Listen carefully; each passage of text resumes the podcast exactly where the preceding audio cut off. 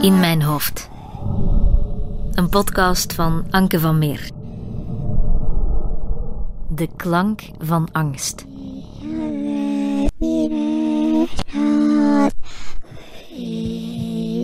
Ik was een bang kind. Zo was ik bijvoorbeeld heel bang van vampiers. Daarom sliep ik tot het zesde leerjaar met een lichtje en bewaarde ik knoflook op mijn kamer. Ik was ook bang dat de zon naar beneden ging vallen. Mijn ouders konden het journaal niet kijken als ik nog wakker was, want ik was bang voor het nieuws.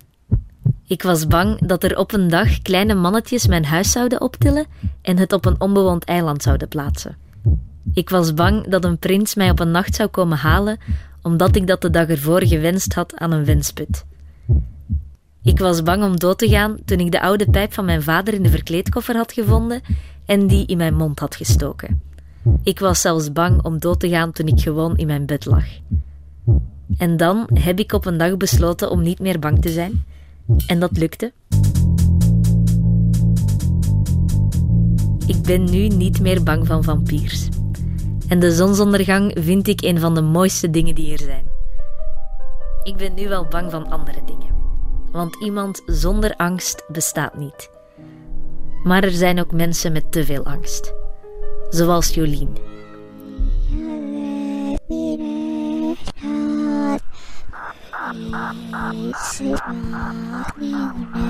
Ik zou heel graag willen leven zonder die sluimerende aanwezigheid, noem ik het altijd, van angst. Dat zou heel aangenaam zijn.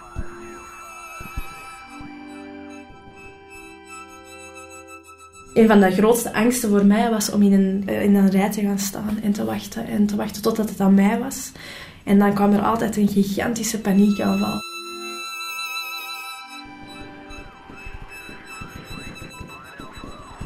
De supermarkt is een vreselijke plek voor Jolien. Het is een plek vol angsten. Het is gek dat iets wat voor mij en anderen zo normaal lijkt, voor iemand anders zo verschrikkelijk kan zijn. Ik heb gewoon heel veel schrik om mij in een situatie waar veel mensen rondom mij zijn, belachelijk te gaan gedragen. Ik heb heel veel schrik over negatieve oordelen over mij. Te beginnen beven aan de kassa, om, om te beginnen zweten. En dat er oordelen over komen van, Amaya, die is, die is gestoord. En ehm, we gaan dat meisje haar, gezicht zeker onthouden. En, en dan kan ik ook kan dan gewoon niet meer teruggaan naar die supermarkt, omdat ja, dat is daar gebeurd. En het makkelijkste is gewoon wegblijven en niet meer naar de supermarkt gaan. En dat heb ik ook gedaan. Ik heb echt momentje gevraagd van aan mijn vriend, ga, kun jij gewoon patatten gaan halen, want ik kan dat niet.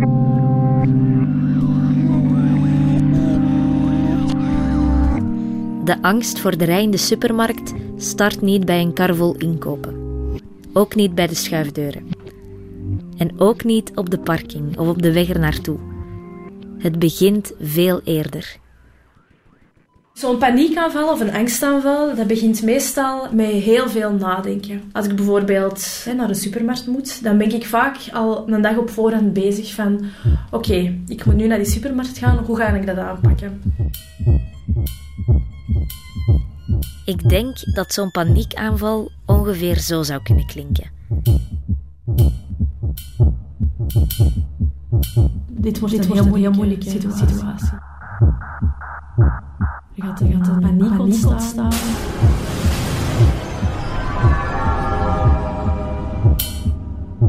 Ik ga angst, angst voelen. Ik ga belachelijk. Hoeveel mensen, staan er aan de kassa? Hoe zien ze eruit? Vol zweet. Kijk naar de kassa. Hersenen met mijn nek.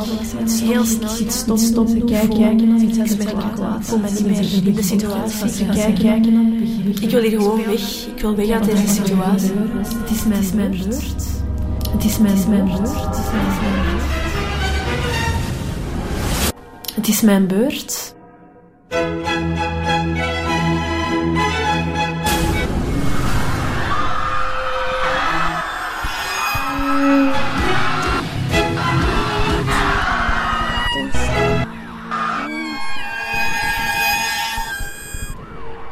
Ik loop weg uit de supermarkt en ik voel teleurstelling in mezelf. Ik voel uh, dat ik gefaald heb, dat het weer vandaag is geweest. Ik voel verdriet. Ik voel een nog grotere angst voor de angst, omdat het toch blijkt uit te komen. En de angst voor de angst lijkt wel gegrond. Jolien vertelt mij hoe angst haar leven overheerst. Veel van de dingen die ze zegt herken ik wel. Zoals de angst om beoordeeld te worden en de angst van wat mensen allemaal over mij zeggen. Maar ik heb het gelukkig nog nooit op zo'n manier ervaren. Ik denk echt wel dat ik ga doodgaan, ook vaak in, tijdens zo'n paniekaanval, dat ik ga sterven. Omdat, omdat ik ook voel dat mijn hart en zo helemaal tilt slaat. En ik ben op dat moment dan echt wel ervan overtuigd dat er iets heel ernstigs gaat gebeuren. En na zo'n paniekaanval is het nog niet gedaan. Dan begint het denken gewoon opnieuw. Wanneer is de volgende? En hoe gaat het dan zijn? En hoe groot? En hoe ga ik me nadien voelen? Want na zo'n paniekaanval kan ik echt zeggen dat, dat, dat je je ellendig voelt. En het enige wat ik kan doen na een paniekaanval is snel naar huis gaan en in mijn bed kruipen en, of, muziek opzetten die, die ik fijn of mooi vind. En ja, dan begin ik gewoon te huilen. Ik weet, een paniekaanval wordt altijd gevolgd door huilen. Wat ik heel vaak opzetten is uh, zo Kate Bush. Dat is zo'n clip dat ze zo in de natuur zit te dansen met een rood kleed aan. En uh, dat, staat voor mij, dat is voor mij zo wat de oppositie van angst.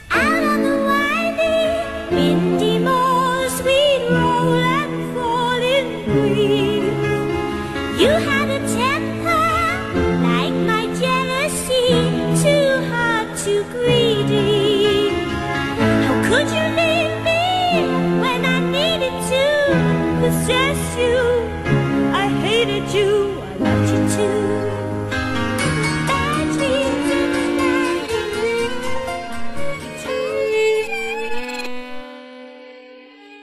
Jolien vertelt me over haar eerste angstige herinnering. Toen dat mijn zus ooit gevallen is met de fiets. En ze was heel hard aan het bloeden en haar gezicht bloedde heel hard. En ik weet op dat moment dat ik gewoon zo helemaal de controle over mezelf kwijt was. Later, toen ze 16 was, kreeg ze haar eerste echte paniekaanval. Het was woensdag namiddag. Ik zat te eten aan de tafel met mijn zus en met mijn moeder. Ineens had het niet verslikte ik mij in een stuk eten, denk ik. En ik ben toen helemaal in paniek geschoten. Ik weet alleen dat ik dacht van, hier is iets uh, lichamelijk met mij mis. Dus ik dacht van, ja, ik moet hier gewoon zeggen dat ik, uh, denk ik ga sterven of ik voel hier iets dat niet in orde is. En dan heeft mijn, mijn moeder de, de dokter gebeld, de ambulance denk ik ook gebeld. Dus dan de dokter die is gekomen en die zei van, ja, je hebt je hebt gewoon een paniekaanval gehad. Dat daardoor die paniekaanval is ontstaan, dat ik gewoon maanden nadien gewoon schrik om nog te eten. Nu, nog steeds, vind ik eten in, in, in groep nog altijd heel moeilijk.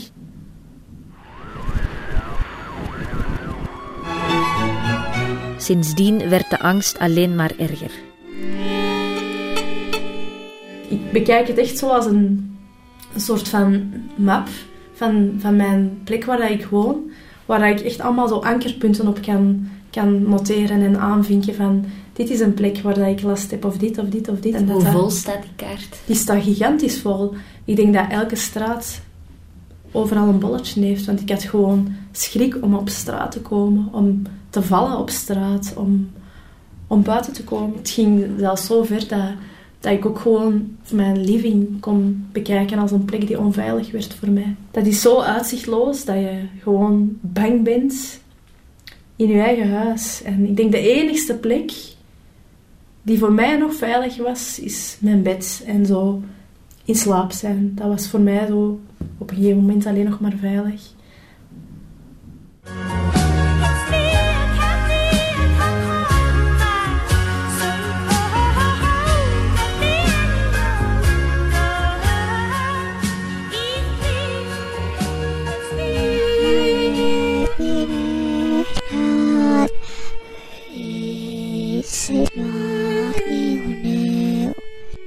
Als ik Jolien vraag waar ze bang voor is, krijg ik een lang antwoord.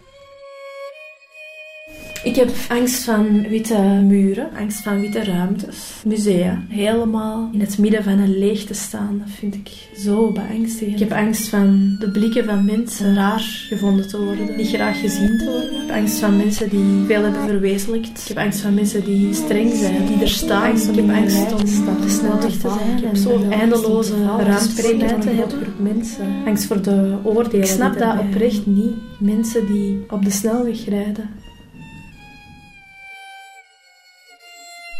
Maar haar ergste angst is dit. Ja, gewoon de angst om, om te sterven, om dood te gaan en pijn te hebben. En de angst om niet graag gezien te worden. Zonder angst zouden we sterven, zegt Jolien. Dat is waar. Het is voor een stuk een overlevingsmechanisme. Maar toch was het bij haar bijna omgekeerd. Zij stierf bijna van angst. Zo'n twee jaar geleden bereikte alles een hoogtepunt. Ze zocht hulp. En die vond ze bij een psycholoog. Die persoon is heel belangrijk geweest in mijn leven. Anderzijds heeft hij ook wel ervoor gezorgd dat, dat ik een verkeerde weg ben opgegaan. Uh, namelijk ja, dat ik medicatie ben beginnen nemen en dat ik ben opgenomen geworden. Die heeft medicatie beginnen voorschrijven. Die schreef maar voorschriften en geen enkel probleem. Dus ik kon eigenlijk gewoon zelf dokter spelen. En in momenten van gigantische zwakte en onwetendheid ben ik gewoon helemaal die kant op gegaan en ben ik dat helemaal beginnen misbruiken en ja, verslaafd geworden aan angstmedicatie.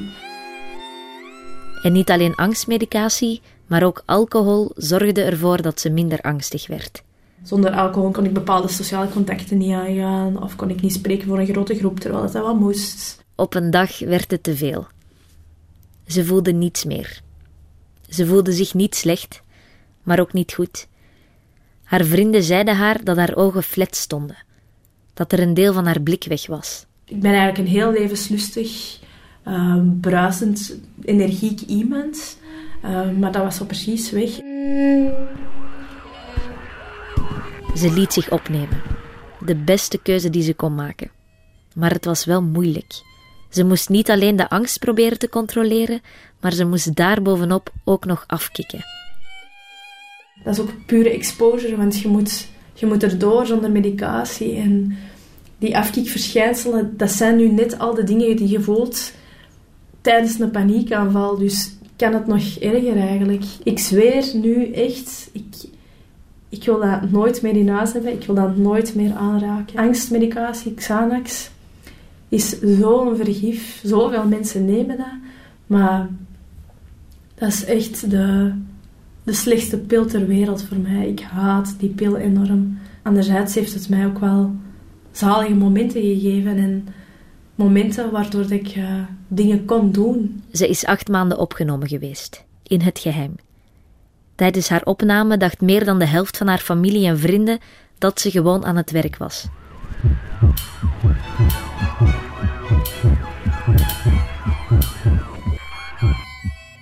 Het gaat nu veel beter met Jolien. Toch is ze nog steeds angstig.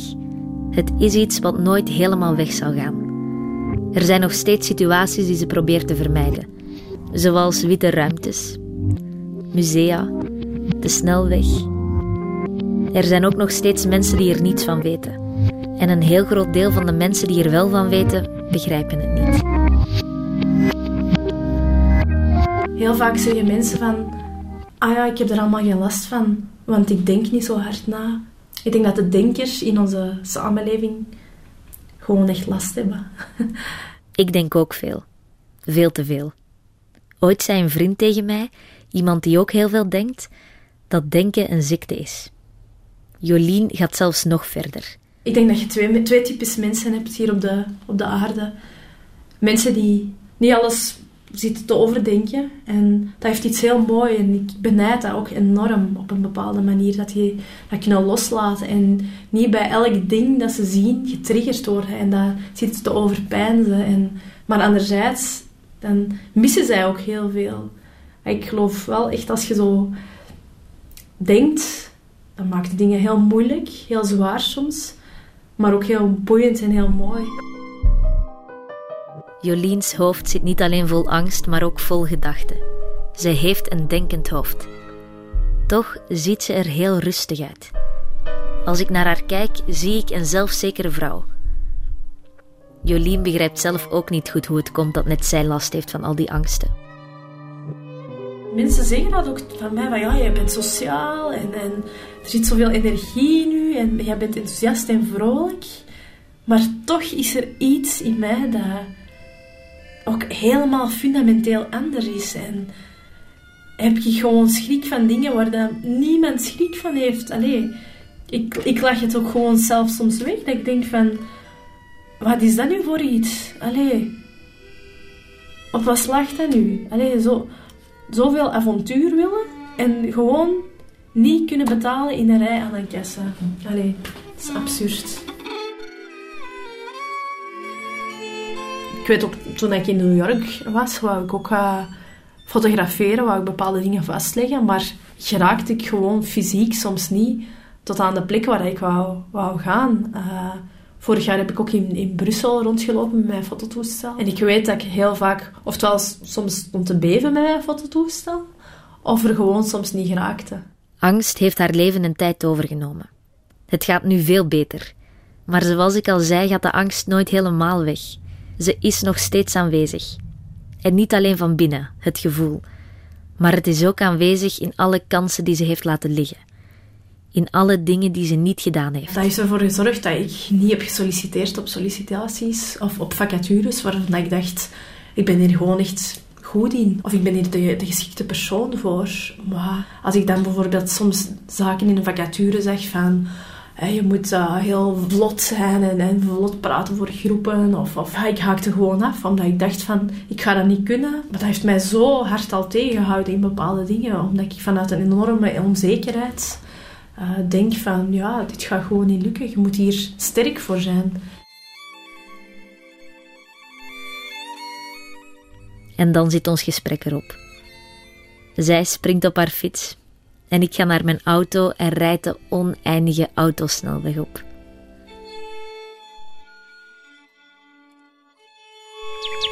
Dit was In Mijn Hoofd, een productie van Radio 1 gemaakt door mezelf, Anke van Meer. Ik wil Radio 1 en Wart Bogaert nog bedanken voor de kans en de goede raad. En ook Silke Groffie voor de prachtige illustratie. Volgende week kruip ik in een ander hoofd en kan je luisteren naar de klank van geloven. En ik dacht, ik nou Brecht bestaan niet. Dat zijn daar allemaal van die heilige boontjes die daar rustig door de gang schreden. Dat past helemaal niet bij mij. Dus wij gaan in principe nooit meer naar huis. Familie mag vijf keer per jaar komen. Het is een, een veeleisend leven. En de wereld buiten is natuurlijk heel bekoorlijk, met alle mogelijkheden die er zijn. Maar dat is voor volgende week. Intussen kan je alles vinden op radio1.be en je abonneren kan via een podcast-app.